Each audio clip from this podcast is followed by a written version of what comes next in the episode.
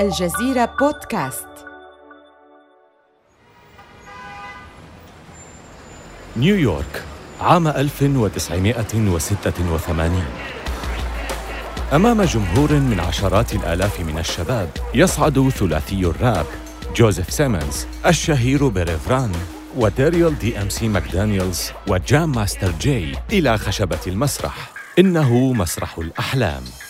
لأجيال من الشباب كان هذا هو المسرح الذي تتمنى الوقوف عليه يوما ما بينما تضيء حروف اسمك على بوابة حديقة ماديسون سكوير لهؤلاء الثلاثة تاريخ معا لقد نشأوا في حي كوينز بمدينة نيويورك في السبعينيات واجتمعوا على حب ثقافة الرقص الحر وموسيقى ال R&B والهيب هوب وهي أنواع من الموسيقى الشعبية التي ولدت في شوارع نيويورك.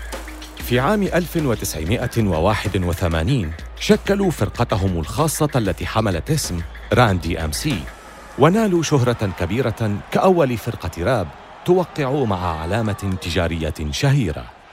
لكن ران دي إم سي ليسوا مجرد فرقة للموسيقيين، إنهم رموز في عالم الأزياء. في تلك الفترة عندما كان نجم الراب الشهير كورتيس بلو في أوج شهرته كان يفضل ارتداء السترات البراقة اللامعة وبدلات الديسكو. لكن أعضاء ران دي إم سي يختارون اتجاها مغايرا ملابس الشارع العادية مزينة بسلاسل من الذهب مع سترات رياضية وقبعات سوداء وأحذية كرة السلة محلولة الأربطة. في قلب ماديسون سكوير يقدم الثلاثي أحدث أغانيهم على المسرح أغنية للعلامة التجارية المفضلة للفرقة. تغني الفرقة أنا وأديداس نصنع فريقا رائعا. نتسكع معا نغني معا ولن نغضب إذا ما واجهنا عاصفة معا. إنهم يعرفون أن أديداس ليست لهم وحدهم. فالخطوط الثلاثة المميزة للعلامة التجارية في كل مكان في كل مدينة يذهبون إليها من ديترويت إلى بوسطن وشيكاغو. الشباب المواكبون للثقافة العصرية هم من يرتدون سترات وأحذية أديداس الرياضية. في عام 1986 تعبر أديداس عن كل ما هو عصري ورائج. وهذا الحشد من أهل المدينة الواقف في الميدان الليلة. يدرك هذا المعنى. التصفيق مستمر ويصم الآذان وتزداد الأجواء صخباً عندما يلتفت سيمنز إلى ماك دانييلز ويبدأ في الهتاف في الميكروفون. هيا يا دي اخلع حذاءك. الجميع هنا. كل من يرتدي حذاء أديداس فليرفعه عالياً. يرتفع أربعون ألف زوج من الأحذية في الهواء. وكأنها قربان يقدمه الجمهور إلى أديداس.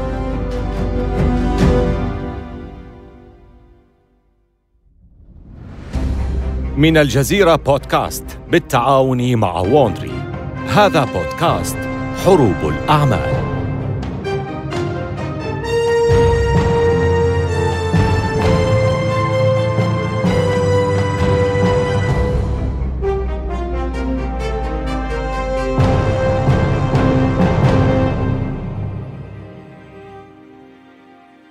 لا نزال نتابع المنافسة المشتعلة في عالم الأحذية الرياضية بين شركتين يتجاوز حجم كليهما مئات الملايين من الدولارات نايكي وأديداس.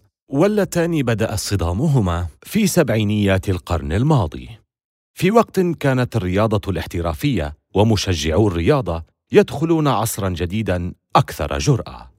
هذه هي الحلقة الرابعة نايكي إير.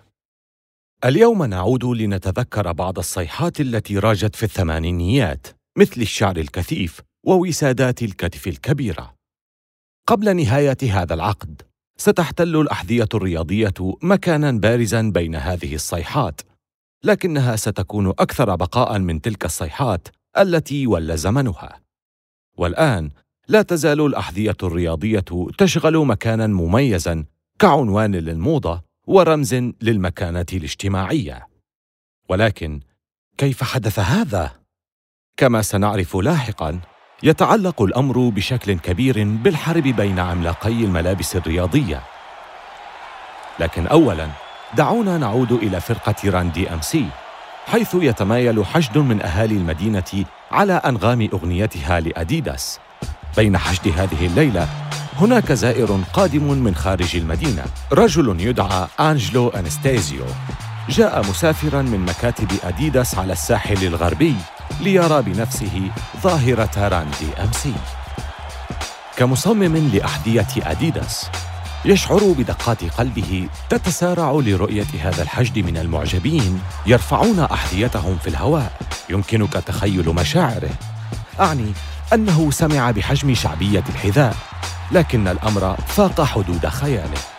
بعد انتهاء الحفل يقابل أنستيزيو فرقة ران دي إم سي وراء الكواليس.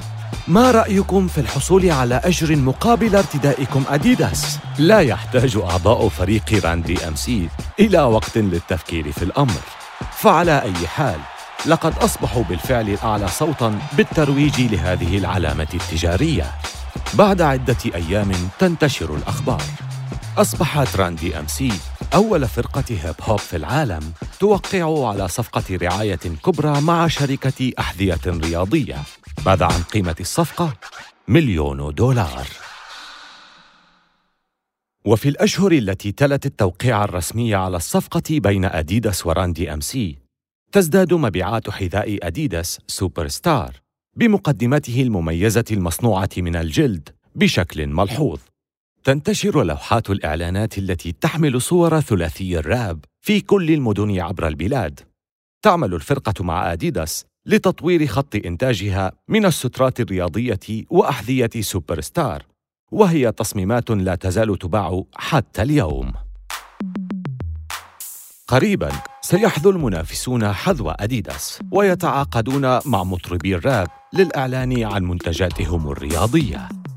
يتعاقد مغني راب أمريكي شاب يدعى داغ إي فريش مع شركة بالي للأحذية. وترتدي فرقة بيستي بويز الأمريكية أحذية بوما.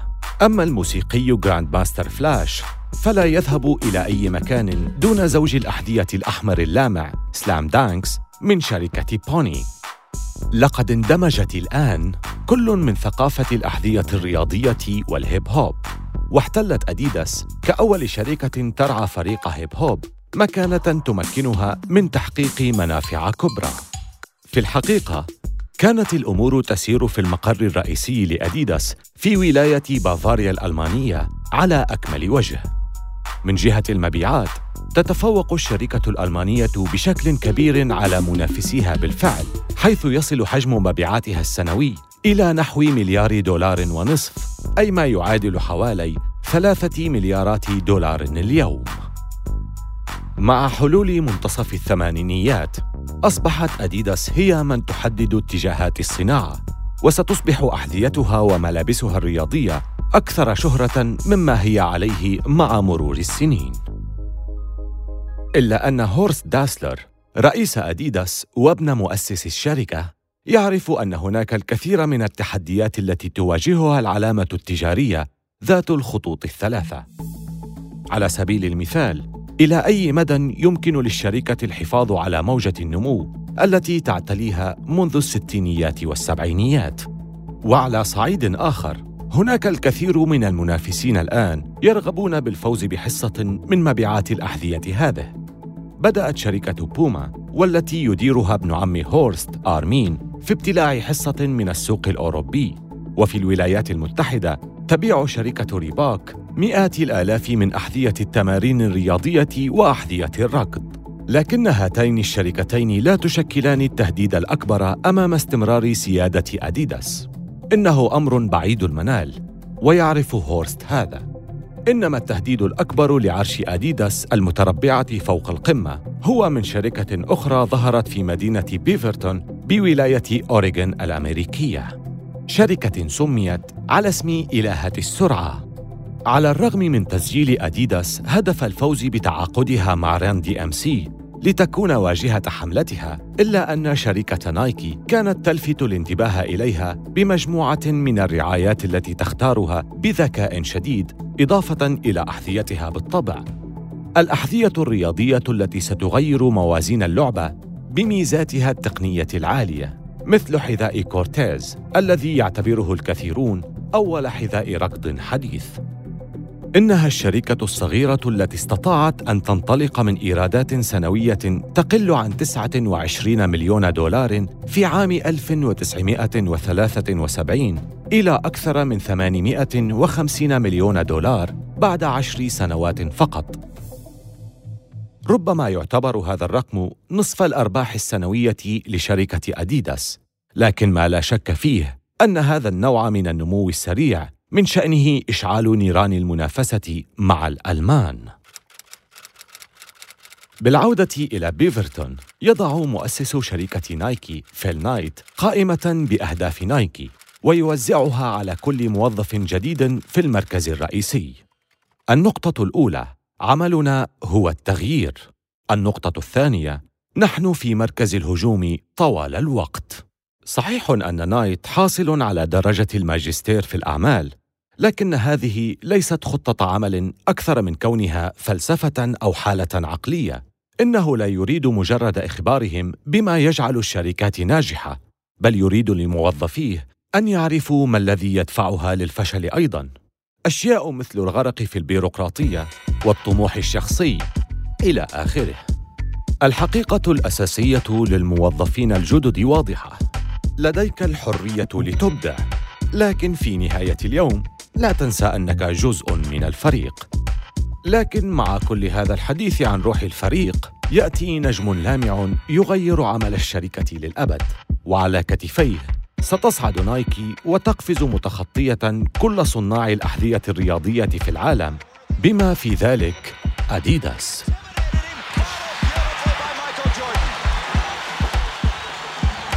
في عام 1983 يكتب مدير تنفيذي شاب يدعى راب ستراسر مذكرة لرئيسه في العمل الرئيس التنفيذي لشركة نايكي فيل نايت. قريبا سيكون الأبطال الحقيقيون للرياضة هم اللاعبين لا الفرق الرياضية. سيصبحون رمزا للمغامرة ولما يعجز الأفراد العاديون عن القيام به المخاطرة والفوز. هناك أمران من المهم معرفتهما عن هذين الشخصين نايت وستراسر. لا يوجد بينهما الكثير من الأشياء المشتركة في واقع الأمر. نايت رجل يعتمد على العقل والقياس بينما ستراسر سمين ملتحن منهمك في عمله دؤوب لا يوقفه شيء.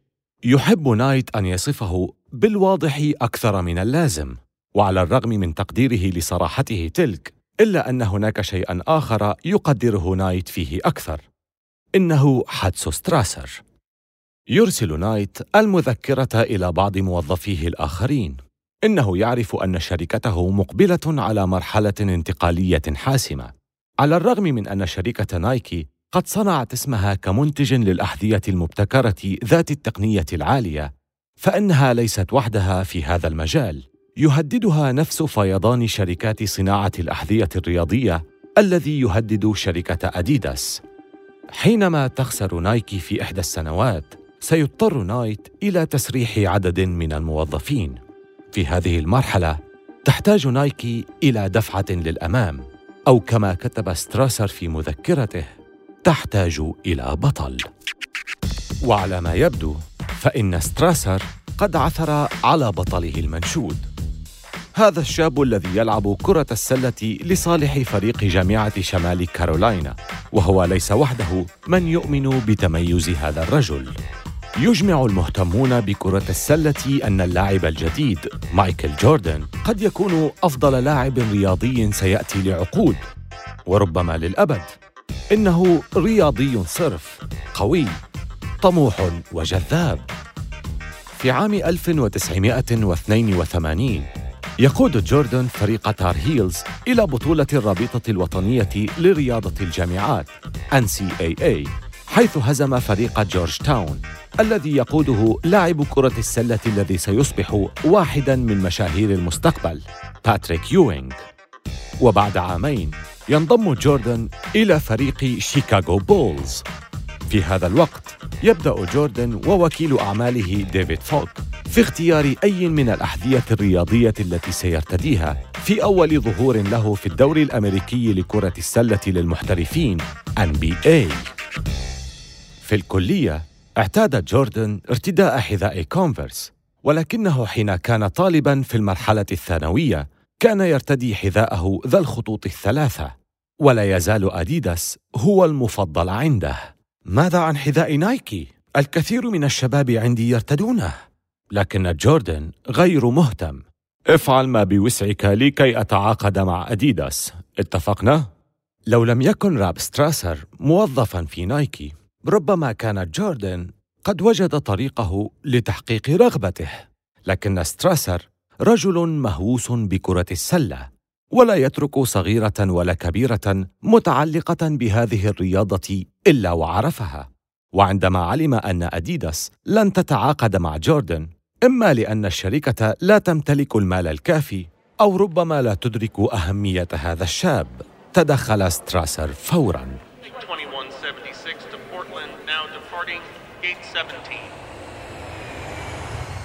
في ذلك الخريف سافر كل من جوردن وفوك يرافقهما والدا جوردن جيمس وديلوريس إلى ولاية أوريغون لمقابلة المديرين في المقر الرئيسي لشركة نايكي. يشعر جوردن بالتردد فهو لم يرتدي حذاء نايكي في حياته لكن بعد إقناع فوك لوالديه يوافق مايكل على السفر إلى الساحل الغربي. كان مقر الشركة في بيفرتون عام 1984 مختلفاً بالطبع عما هو عليه اليوم بعد أن تجاوزت قيمة تجهيزاته الآن عدة ملايين دولار. بينما يسير جوردن بتردد وراء مضيفيه عبر الحديقة المتواضعة يحافظ على وجهه صارماً فهو لا يزال يميل إلى أديداس. يستقر جوردن مع والديه ووكيل أعماله داخل حجرة اجتماعات صغيرة ومعهم ستراسر الذي بالكاد يسيطر على حماسه. ومصمم نايكي راب مور ورئيس قطاع كرة السلة سوني فاكارو. لا أثر لوجود فيل نايت. في الواقع فيل ينتظر في الكواليس. هو المسؤول عن اختتام العقد. لكن جوردن لا يعرف هذا. يطفئ ستراسر الأنوار. تظهر صور متوالية لأبرز لحظات جوردن عندما كان في الجامعة على شاشة التلفاز بينما تصدح أغنية فرقة بوينتر سيسترز الأمريكية من السماعات. بعدها عندما يصل العرض لذروته يتقدم أحد مصممي نايكي بيتر مور ويعطي جوردن هدية خاصة إنه حذاء رياضي مميز ذو رقبة عالية بألوان فرقة بولز الأحمر والأسود صنع مخصوصاً لهذه اللحظة حصرياً لمايكل جوردن ما رأيك؟ حذاء أنيق أليس كذلك؟ لكن جوردن لا يشعر بالانبهار أحد أسباب إعجابي بأديداس هو أن أحذيتهم أقرب للأرض. هل تفهم؟ باطن هذا الحذاء مرتفع جدا. لا مشكلة. أه سنقوم بتعديلها. تعديلها؟ عند هذه النقطة يبتهج جوردن. كما ترى أولئك الذين خطبوا وده مثل شركة كونفرس لم يعرضوا عليه من قبل أن يصمموا حذاء وفقا لرغباته. نايكي تريد أكثر من مجرد اسم مشهور إنها تريد شريكا على الأرجح. يتبع جوردن فريق نايكي إلى غرفة اجتماعات أخرى حيث ينضم إليهم المدير التنفيذي فيل نايت عندما يمد ساني فاكارو يده بنموذجين معدنيين من سيارات مرسيدس يتصنع نايت بأنه أصيب بأزمة قلبية ويمسك صدره كأن أحدا لم يخطره من قبل. أن هاتين السيارتين الرياضيتين باهظتي الثمن ستكونان جزءا من الصفقة. يستمر فاكارو بالتحدث عن الصفقة على أي حال. إذا تعاقدت مع نايكي لم ينهي كلامه لكن المعنى واضح. لو تعاقد جوردن مع الفريق الرابح سيكون هناك أكثر من مجرد أحذية وأموال وفيرة. عند هذه النقطة يبتسم جوردن أخيراً. في هذا المساء يجتمع جوردن مع وكيل أعماله فوك لمناقشة ما لديهم. كان جوردن حاسما في قراره. لا أريد حضور اجتماع آخر.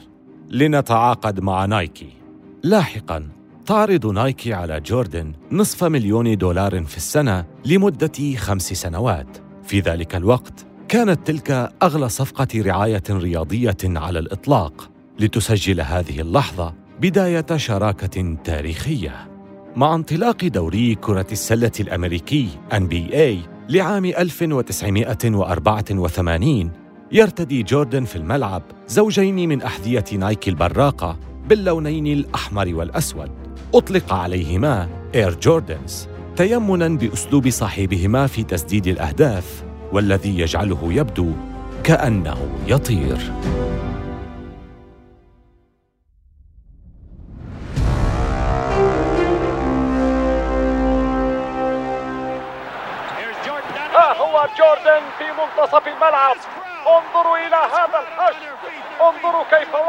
كان إير جوردنز يعد نجاحا كبيرا لنايكي بغض النظر عن نتيجة دوري المحترفين. إنه حذاء يرتديه لاعب تمكن من تسجيل 45 نقطة في مباراة واحدة. كل هذا وهو لم يزل بعد لاعبا مبتدئا. لكن خلال موسم عام 1984 يصل مسؤولو الدوري إلى قرار يصب في مصلحة نايكي بشكل كبير. لقد قرروا محاولة إيقاف جوردن عن ارتداء حذائه الخاص ذي اللونين الأحمر والأسود. تقول الإدارة إن الحذاء غير ملائم لمواصفات الدوري التي تنص على ضرورة أن تتلائم أحذية اللاعبين ليس فقط مع أزيائهم بل ومع أحذية باقي اللاعبين. حسناً. يحدث ذلك والشركة على وشك أن تصل بتسويقها وعلامتها التجارية إلى مستوى جديد من الإبداع. ففي دعايتها التي عرضت عام 1985 تستعرض الكاميرا ببطء ملابس جوردن ذات الألوان الأسود والأحمر والأبيض نزولاً إلى قدميه بينما يقوم باستعراض مهاراته في كرة السلة. في الثامن عشر من أكتوبر يقرر دوري المحترفين منع اللاعب من ارتداء الحذاء. لكن لحسن الحظ لا يستطيع الدوري منعك أنت من ارتدائه. Air Jordans من نايكي يصعب وصف التأثير الكبير الذي أحدثه حذاء Air Jordans على ثروة شركة نايكي وثروة فيل نايت بالتبعية. كان رئيس نايكي المؤثر والعداء السابق قد أسس هذه الشركة معتمداً على أحذية السباق. لكن حذاء كرة السلة يعيد تعريف العلامة التجارية. يبدأ نايت بالحديث مع أصدقائه عن التغيير. فصل جديد يكتب في تاريخ شركة نايكي. وفي خلال عدة أشهر فقط تشحن نايكي نصف مليون زوج من أحذية Air Jordans عبر البلاد. وتسجل المتاجر قوائم انتظار للزبائن الذين لم يتمكنوا من الحصول على زوج من الأحذية. وفي عام 1986 تبيع الشركة أربعة ملايين حذاء كما تطرح الشركة أحذية للأطفال أيضاً. يلخص المتحدث باسم نايكي ما يحدث على طريقة الثمانينيات. لقد أصبحت إير جوردنز هي الدجاجة التي تبيض لنا ذهباً. إنها واحدة من أفضل الأشياء التي حدثت لنا. لكن إير جوردنز أكثر من مجرد صيحة عابرة. قريبا لن يفرض هذا الحذاء الرياضي تأثيره فقط على الملاعب بل على الثقافة الشعبية أيضا. يريد مغنو الراب ارتداءه ونجوم هوليوود أيضا. معكم مارس بلاكمان وإلى جواري صديقي مايكل جوردن. المخرج المعروف سبايك لي الذي لعب دور مارس بلاكمان في فيلم She's Gotta Have It يصور إعلانا لشركة نايكي يمنح الحذاء قوة أكثر. هل هي ثيابه؟ لا بد أن يكون الحذاء. صار حذاء Jordans فألا حسنا على الشركة. يعزز نايكي كعلامة تجارية ويفتح الطريق إلى عالمها الخاص. وأمام حذاء Air Jordans لم يعد حذاء أديداس سوبر ستار متألقا كما كان. لا بد أن يكون الحذاء.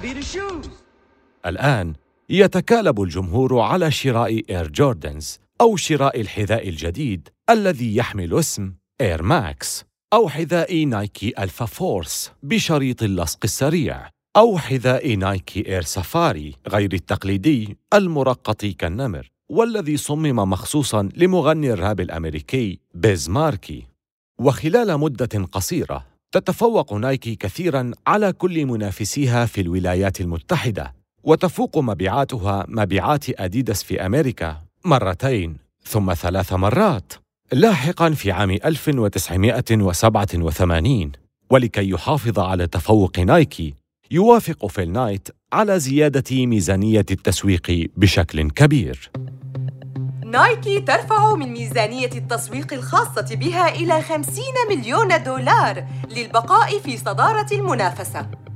لو كانت هناك شكوك من قبل، فيبدو أنه تم حسمها الآن. لقد انقلبت الطاولة.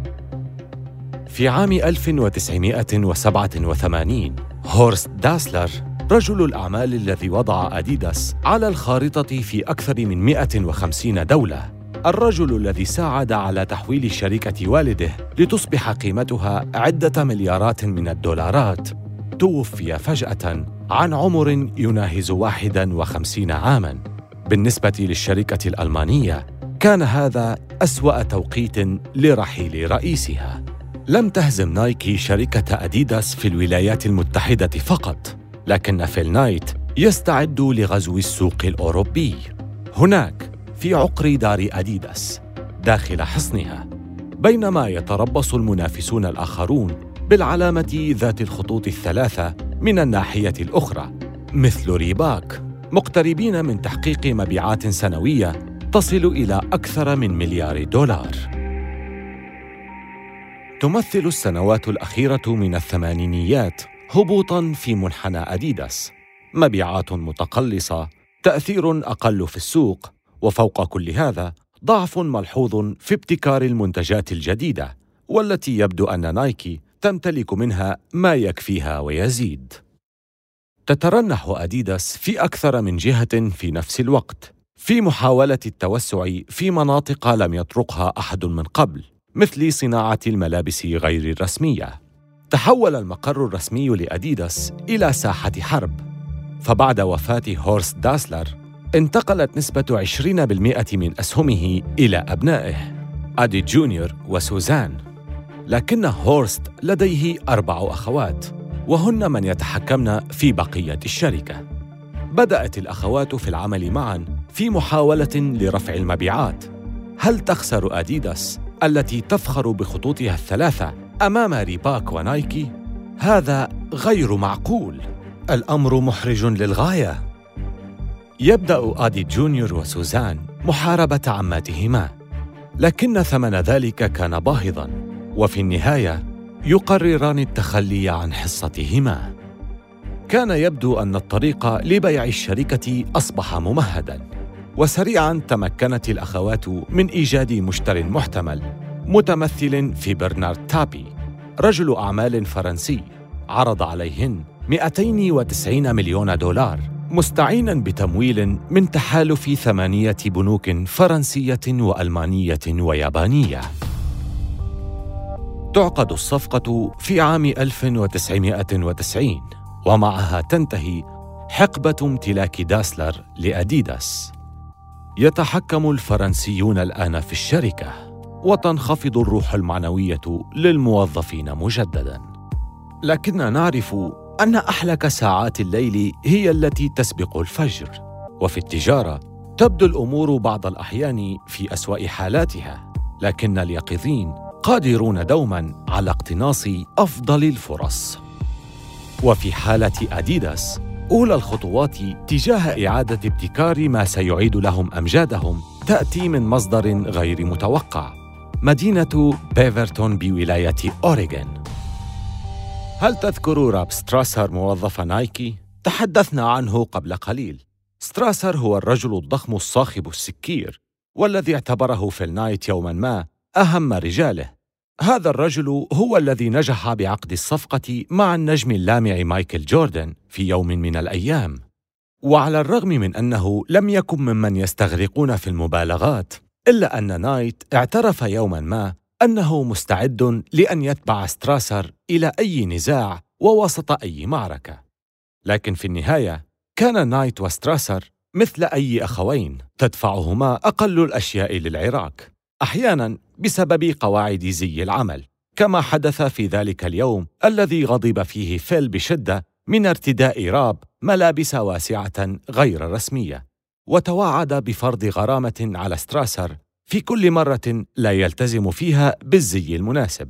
تحدى ستراسر القرار بارتداء السراويل القصيرة الواسعة حتى حانت اللحظة لحسم الأمور وعلى الرغم من نجاح Air Jordans إلا أن ستراسر قرر الرحيل ليصبح مستشارا حرا مصطحبا المصمم راب مور معه. اعتبر نايت رحيل ستراسر خيانة عظمى.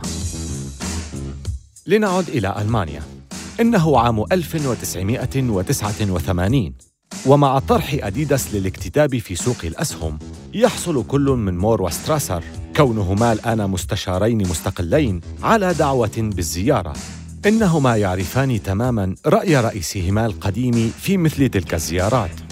لكن مهلاً إنهما لا يعملان الآن لصالح فيل نايت. يقبل الرجلان الدعوة ويقطعان الطريق السريع حتى المقر الرئيسي لأديداس.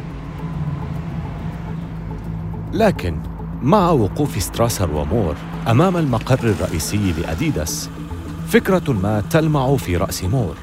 إنه يدرك الآن كم هو بعيد عن وطنه. وولاؤه في قلبه لبيفرتون. ليس لديه أي مصلحة في بافاريا. اللعنة. لنرحل من هنا. لكن ستراسر لم يكن رجلا عاطفيا. بالطبع لا.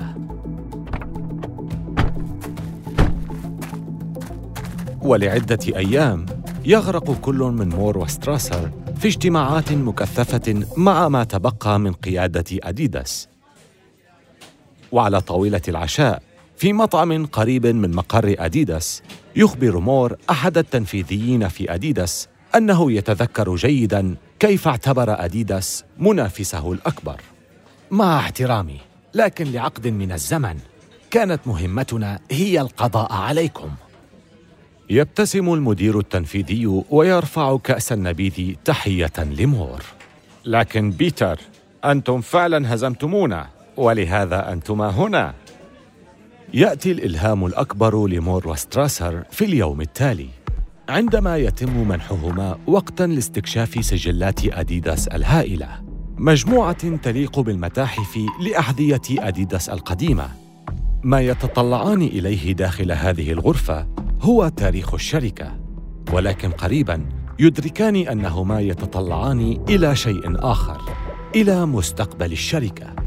شركة قبل أي شركة أحذية رياضية أخرى انصب تركيزها على اللاعب الرياضي. قبل مغادرة ألمانيا يقدم المستشاران توصيتين. الأولى هي الالتزام بالتقنيات التي حققت نجاحاً فريداً في عهد داسلر. أما التوصية الثانية فهي الحد من استخدام مساحات مختلفة من الألوان والحد أيضاً من عدد الميزات التقنية. تلك المسروقة من نايكي بشكل صارخ. والتوقف عن تقليد نايكي وريباك. هذه الاستراتيجية نادراً ما تنجح. من الأفضل العودة للتركيز على نقاط قوة الشركة الأساسية. أي العودة إلى ما تستطيع آديداس فعله بشكل أفضل. ثم يقدم مور وستراسر اقتراحا آخر. يجب الا تتخلى أديداس عن علاماتها التجارية الكلاسيكية تحت أي ظرف مثل تصميمات ستان سميث وسوبر ستارز. عليها أن تغازل الجانب العاطفي لمحبي أديداس القدامى بإحياء أحذيتها الكلاسيكية وتقديمها بشكل جديد مصقول أكثر. الحفاظ على جوهر هذه التصميمات والألوان مع تحديثها باستخدام التصميمات والتكنولوجيا الحديثة مثل النعال المحسنة والمطاط الأخف وزنا. في غضون عدة أسابيع يتم رسميا الإبقاء على ستراسر ومور من قبل عدوهما اللدود. يقودان خط إنتاج ملابس رياضية عرف أولاً بأديداس إكويبمنت ثم لاحقاً أديداس Performance خطوط إنتاج صممت خصوصاً لتروق للاعبين الرياضيين مباشرة. بعد ذلك بدأ كلاهما في تجميع أنماط أديداس الكلاسيكية في مجموعة عرفت بمجموعة أديداس الأصلية أديداس Originals لا تحدث التغييرات التي صنعها ستراسر ومور تأثيرا فوريا لكن المديرين السابقين في نايكي نحتا طريقا سيمنح أديداس القوة ويعيدها بقوة إلى قلب المعركة.